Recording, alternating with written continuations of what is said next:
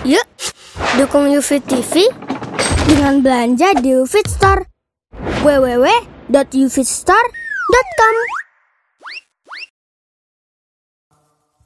Rasulullah SAW menganggap bahwa berbakti kepada orang tua itu adalah merupakan jihad.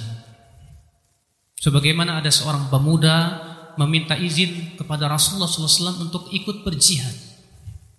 Lalu Rasulullah bertanya, Ahayun walida, apakah kedua orang tuamu itu masih hidup? Kata Rasulullah, masih ya Rasulullah.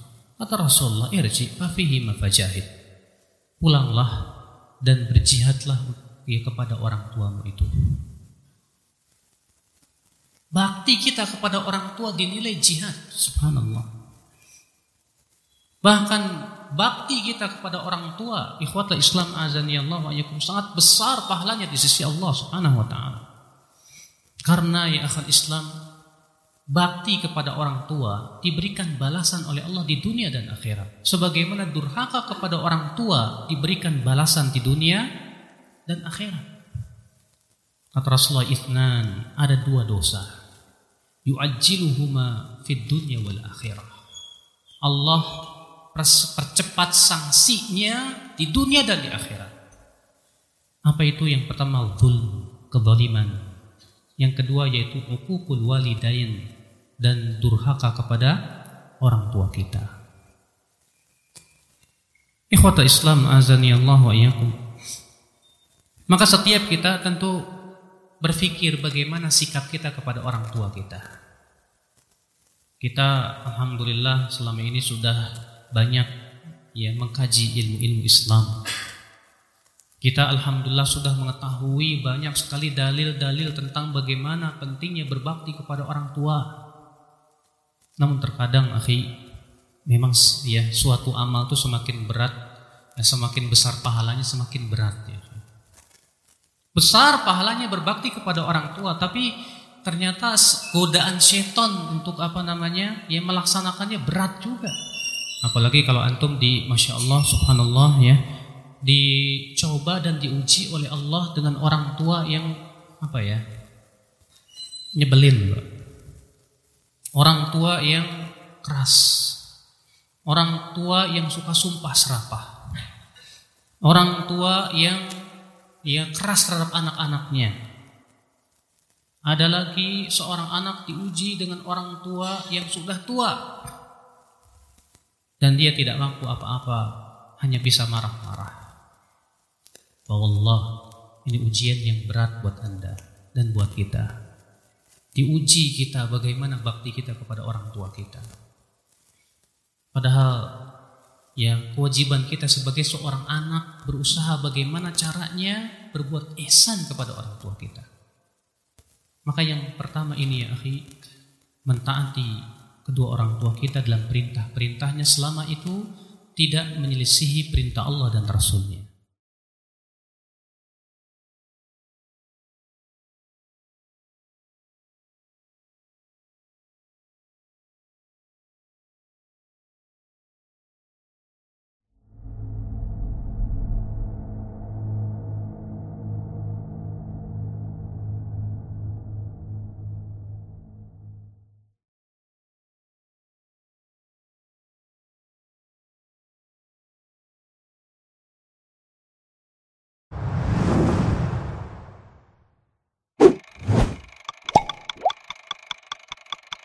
Apa amalan yang perlu dipersiapkan kalau sudah umur 40 tahun. Itu poin yang akan kita bicarakan.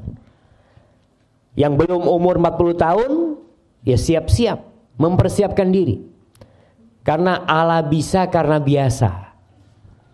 Allah Subhanahu wa taala berfirman, "Wa wassaynal insana biwalidayhi ihsana." Hamalathu ummuhu kurhan kurhan وحمله hamluhu ثلاثون شهرا حتى إذا بلغ idza وبلغ أربعين سنة Allah menceritakan kami telah mewasiatkan kepada manusia agar berbuat baik kepada kedua orang tuanya. Kemudian Allah ceritakan tentang peran seorang ibu. Ibu kita tuh mengandung kita selama sembilan bulan dalam kondisi lemah ya. Subhanallah. Saya tahu istri saya sudah melahirkan lima anak. Dan saya tahu persis bagaimana kondisi dia ketika dia hamil ya. Kemudian ketika dia mau melahirkan, Allahu Akbar. Kita harus sadar kita pun pernah seperti itu di perut ibu kita. Ibu kita susah mengandung kita. Dalam kondisi wanita ini lemah, ditambah dengan beban di perut dia. Kemudian menyusui selama 30 bulan hamil dan menyusuinya, kira-kira seperti itu. Kemudian ketika umur 40 tahun, biasanya orang ini sudah mapan hidupnya. Sudah mulai punya istri, mulai punya anak, mulai sibuk dengan pekerjaannya, lupa sama orang tuanya. Lupa. Sebagian orang mengatakan, Ustaz, anak ini udah punya istri, anak ini udah punya anak. Kata dia, nah, kau punya anak. Tapi kau harus tahu, bahwasanya orang yang paling berhak kau hormati di muka bumi ini adalah orang tuamu. Apalagi ibu. Maka doa orang yang umur 40 tahun ini, Rabbi auzi'ni an ashkura ni'mataka allati an'amta alayya wa ala walidai. Nikmat yang kau berikan kepadaku dan kepada kedua orang tuaku. Maka orang kalau sudah umur 40 tahun dia buka lembaran dia. Sampai mana aku sudah berbakti kepada orang tuaku kepada bapak ibu. Pernah seorang sahabat datang kepada Rasul sallallahu alaihi wasallam. Dia mengatakan, "Ya Rasulullah, man haqqun nas bihusni sahabati?" Siapakah manusia yang paling berhak mendapatkan penghormatan dari aku? Kebaktianku. Apa kata Rasul SAW? Ummuk. Ibumu. Lalu tanya lagi sama, Summa man? Setelah ibu siapa Rasul SAW? Thumma ummuk. Kemudian ibumu lagi. Tanya lagi sahabat, Thumma man? Kemudian siapa wahai Rasul sallallahu alaihi wasallam? Thumma ummuk. Kemudian ibumu. Tanya lagi yang keempat, Thumma abu.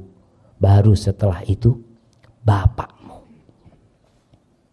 Istri di mana? Di bawah bapak. Apalagi anak-anak.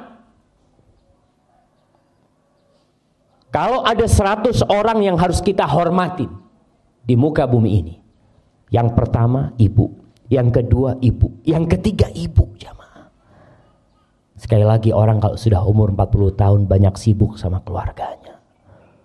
Jarang berkunjung ke tempat orang tuanya.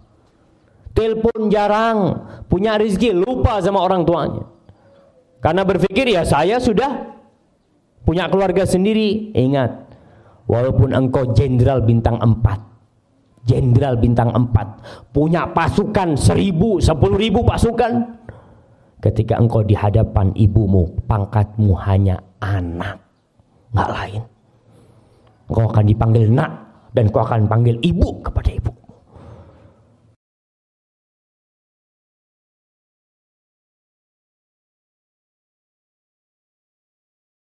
Donasi dakwah Yufid Yuk berikan amal jariah terbaik Anda untuk dakwah dan pendidikan Islam.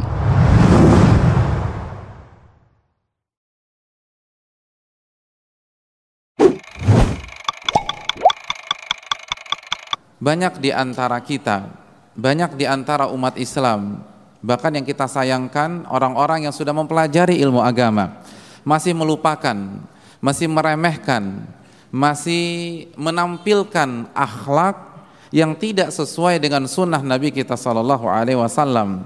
Seakan-akan akhlak Islam berada di sebuah lembah dan umat Islam berada di lembah yang lainnya. Dan ini tidak boleh terjadi. Sebagaimana kita semangat memperbaiki ibadah kita mengokohkan akidah kita kita pun juga harus semakin berhias diri dengan perhiasan akhlak yang mulia pada kesempatan kali ini saya tidak akan mengkaji setiap dalil yang berkaitan dengan akhlak. Namun saya ingin membahas beberapa poin. Yang tujuannya memotivasi kita, yang tujuannya memberikan api semangat di dalam hati kita. Agar kita mau kembali meninjau akhlak kita, meninjau tutur kata kita, meninjau ekspresi kita, meninjau cara kita bergaul dengan tetangga, sahabat, keluarga, apakah sudah sesuai dengan akhlak Rasulullah sallallahu alaihi wasallam. Kita akan berbicara betapa pentingnya akhlak yang ada di dalam agama kita. Poin yang pertama hadirin yang dirahmati oleh Allah Subhanahu wa taala bahwa akhlak yang mulia adalah salah satu sunnah Nabi Shallallahu Alaihi Wasallam. Bahkan bukan hanya sekedar sunnah dalam tanda kutip, ia adalah salah satu prinsip dan hal yang tidak bisa dipisahkan dengan sosok mulia Nabi Muhammad bin Abdullah sallallahu alaihi wasallam. Bagaimana bisa dipisahkan? Sedangkan Allah berfirman dalam surat Al-Qalam ayat 4, "Wa innaka la'ala khuluqin azim." Dan sesungguhnya engkau berada di atas akhlak yang mulia. Nabi SAW memiliki akhlak yang begitu luar biasa. Cukuplah pujian dan rekomendasi dari Allah Subhanahu wa taala menjelaskan masalah ini. Oleh karena itu, berbicara masalah akhlak bukan hanya berbicara sekedar sunnah Nabi SAW secara satu demi satu atau secara parsial. Namun berbicara tentang masalah akhlak adalah kita berbicara tentang prinsip ahlu sunnah wal jamaah.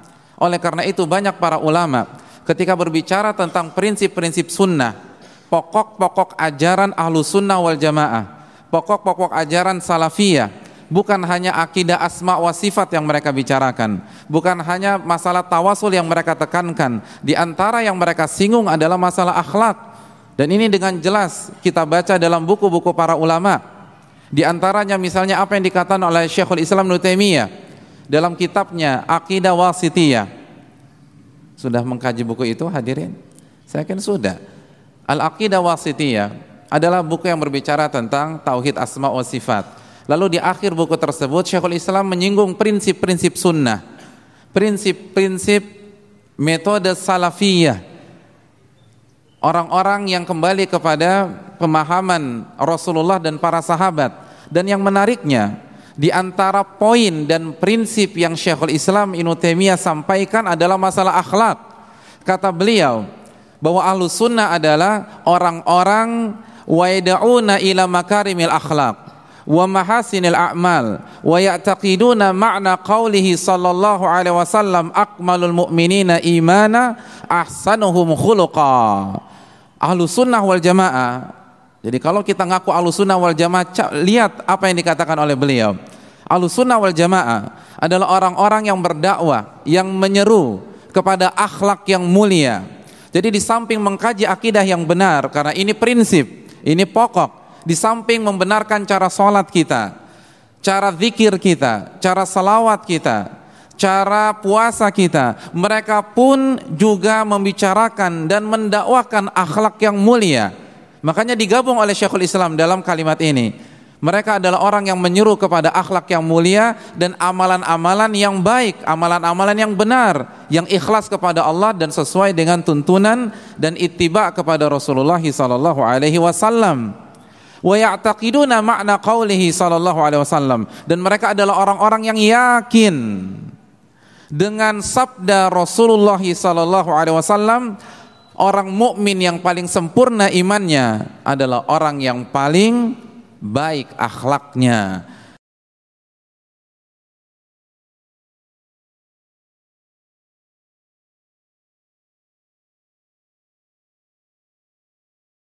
Yuk, dukung UFIT TV dengan belanja di UFIT Store. www.ufitstore.com Bismillahirrahmanirrahim. Perkenankan kami berbagi adab terhadap orang tua. Di antara manusia yang paling berjasa bagi kita adalah orang tua kita. Orang tua merupakan sebab kita hadir di muka bumi ini karena Allah menciptakan kita melalui orang tua kita. Karena itulah, Allah menggandengkan perintah mentauhidkan dirinya dengan perintah untuk berbuat baik kepada orang tua. Allah berfirman, وَقَضَى رَبُّكَ أَلَّا تَعْبُدُوا إِلَّا إِيَّهُ وَبِالْوَالِدَيْنِ إِحْسَانًا Tuhanmu telah memerintahkan supaya kamu jangan menyembah selain dia, dan hendaklah kamu berbuat baik pada ibu bapakmu dengan sebaik-baiknya. Quran Surat Al-Isra ayat 23 Untuk itulah, Islam memberikan banyak keistimewaan bagi mereka yang berbakti kepada orang tua mereka. Bahkan sampai Rasulullah Shallallahu Alaihi Wasallam menjadikan kebaktian seorang anak kepada orang tua sebagaimana orang yang berjihad. Sahabat Abdullah bin Amr radhiyallahu anhu menceritakan, ada seorang yang datang menghadap Nabi Shallallahu Alaihi Wasallam meminta izin untuk ikut berjihad. Kemudian beliau bersabda, Ahayun walidak, apakah kedua orang tuamu masih hidup? Orang itu menjawab, ya, masih hidup. Kemudian Nabi Shallallahu Alaihi Wasallam menyatakan, "Fafihima fajahid." Kalau begitu, berjihadlah dengan berbakti kepada keduanya. Hadis riwayat Bukhari dan Muslim. Dalam hadis lain, Nabi Shallallahu Alaihi Wasallam lebih mendahulukan birrul walidain daripada jihad. Sahabat Ibnu Mas'ud radhiyallahu anhu pernah bertanya kepada Nabi Shallallahu alaihi wasallam, "Amal apakah yang paling dicintai Allah?" Jawaban beliau, "As-salatu ala waqtiha." Salat tepat waktu. Ibnu Mas'ud bertanya lagi, "Kemudian setelah itu amal apa?" Jawab Nabi Shallallahu alaihi wasallam, "Thumma birrul walidain." Kemudian berbakti kepada kedua orang tua. Ibnu Mas'ud bertanya lagi, Kemudian setelah itu amal apa? Jawab Nabi Shallallahu Alaihi Wasallam, al jihadu fi sabilillah. Kemudian jihad fi sabilillah. Muttafaqun alaih. Oleh karena itu, beberapa ulama di antaranya Ibnu Hibban menegaskan bahwa berbakti kepada kedua orang tua lebih didahulukan daripada jihad fi sabilillah yang hukumnya sunnah. Rasulullah Shallallahu Alaihi Wasallam juga memberikan janji sangat indah berupa surga bagi orang yang berbakti kepada kedua orang tuanya. Dari Aisyah radhiyallahu anha, Nabi Shallallahu Alaihi Wasallam bersabda, "Dakhaltul jannata fasami'tu fiha qira'atan. Qultu man hada? Qalu Harithatu bin Nu'man. Kadakumul bir." Aku pernah masuk surga Lalu aku mendengar suara bacaan di surga. Aku bertanya, siapa ini? Para malaikat menjawab, Harithah bin Nu'man. Seperti itulah pahala berbakti kepada orang tua. Hadis riwayat Ahmad dan disohhkan oleh Shu'aib al-Arnaud. Sahabat Harithah bin Nu'man dikenal sebagai anak yang paling berbakti kepada ibunya. Dan masih ada banyak dalil yang menunjukkan keutamaan berbakti kepada orang tua. Berikut beberapa adab yang harus kita jaga bersama orang tua. Pertama, menjaga sopan santun saat berbicara dengan mereka. Allah melarang manusia untuk berkata "uf" kepada orang tuanya atau membentak mereka. Allah berfirman, "Imma yablughanna 'indaka al-kibara ahaduhuma aw kilahuma fala taqul lahumā uffin wa la tanharhuma wa qul lahumā qawlan karima." Jika salah seorang di antara keduanya atau kedua-duanya sampai berumur lanjut dalam pemeliharaanmu, maka sekali-kali janganlah kamu mengatakan kepada keduanya perkataan ah, dan janganlah kamu membentak mereka, dan ucapkanlah kepada mereka perkataan yang mulia. Quran Surat Al-Isra ayat 23 Ibnu Kathir menjelaskan, uf adalah berkata buruk yang paling rendah tingkatannya. Kedua, berusaha untuk tawaduk di hadapan orang tua. Anak tidak perlu terlalu menunjukkan kehebatannya dan merasa paling berjasa di depan orang tuanya. Sebaliknya, tunjukkan bahwa dirinya berhutang jasa kepada orang tuanya. Allah berfirman, "Wakhfid lahuma janahadz-dzulli minar rahmah." Dan rendahkanlah dirimu terhadap mereka berdua dengan penuh kesayangan. Quran surat Al-Isra ayat 24. Ketiga, jangan mengarahkan pandangan tajam ke orang tua sebagai bentuk penghormatan baginya. Para sahabat menjaga adab ini ketika mereka bersama Nabi Shallallahu Alaihi Wasallam. Al Miswar bil Makhramah radhiyallahu anhu bercerita, Wa idha takallama khafadu aswatahum indahu, wa ma yuhidduna ilaihi nazara ta'ziman lahu. Jika para sahabat berbicara dengan Rasulullah, mereka merendahkan suara mereka, dan mereka tidak memandang tajam sebagai bentuk pengagungan terhadap Rasulullah. Hadis Riwayat Bukhari Adab semacam ini bisa kita lakukan ketika kita bersama orang tua kita. Keempat, mendahulukan orang tua daripada dirinya, istrinya, dan anak-anaknya. Rasulullah Shallallahu Alaihi Wasallam pernah bercerita, ada tiga orang yang berteduh di dalam gua. Tiba-tiba turun batu besar yang menutupi mulut gua, sehingga mereka tidak bisa keluar. Salah seorang di antara mereka berdoa dengan tawasul amalan berupa kebaktiannya kepada orang tuanya yaitu dia selalu memberikan susu kepada orang tuanya sebelum memberikan kepada anak-anaknya. Bahkan dia sanggup bersabar, berdiri menunggu di samping orang tuanya yang sedang tidur sambil membawa susu untuk diberikan kepada orang tuanya sampai terbit fajar. Hadis riwayat Bukhari dan Muslim. Kelima, menjaga hubungan kedekatan terutama dengan ibu. Ada seorang sahabat bertanya kepada Nabi Shallallahu Alaihi Wasallam, Ya Rasulullah, siapakah orang yang paling berhak aku sikapi dengan baik? Ibumu, jawab Nabi Shallallahu Alaihi Wasallam. Kemudian siapa lagi? Tanya sahabat itu kedua kalinya. Kemudian ibumu, jawab Nabi Shallallahu Alaihi Wasallam. Kemudian siapa lagi? Tanya sahabat itu ketiga kalinya. Nabi Shallallahu Alaihi Wasallam tetap menjawab ibumu. Kemudian siapa lagi? Tanya sahabat itu keempat kalinya. Kemudian ayahmu. Hadis riwayat Bukhari dan Muslim. Keenam, jika orang tua memerintahkan untuk menyalahi aturan syariat, tidak boleh ditaati, tapi tetap bersikap baik kepadanya. Sekalipun orang tua memerintahkan kita untuk berbuat syirik, kita tetap wajib untuk menghormatinya, namun tidak boleh mentaati perintah maksiatnya. Allah berfirman, "Wa in jahadaka 'ala an tusyrika bima laysa laka bihi 'ilmun fala tuti'huma wa sahibhuma fid dunya ma'rufa." Jika keduanya memaksamu untuk mempersekutukan aku dengan sesuatu yang tidak ada pengetahuanmu tentang itu, maka janganlah kamu mengikuti keduanya dan pergaulilah keduanya di dunia dengan baik. Quran Surat Luqman ayat 15 Ketujuh, banyak berterima kasih kepada orang tua dan mendoakan kedua orang tua. Allah perintahkan hal ini dalam Al-Quran. Wa qul rabbirhamhuma kama rabbayani saghira. Berdoalah, Ya Allah, berilah rahmat kepada mereka kedua orang tua, sebagaimana mereka merawatku ketika kecil. Quran Surat Al-Isra ayat 24 Demikian adab yang bisa dilakukan seorang muslim kepada orang tuanya ketika mereka masih hidup. Lalu bagaimana jika mereka telah meninggal? Salah satu di antara rahmat yang Allah berikan kepada orang yang beriman adalah mereka bisa saling memberikan kebaikan, sekalipun harus berpisah di kehidupan dunia. Karena ikatan iman, Allah abadikan sekalipun mereka sudah meninggal.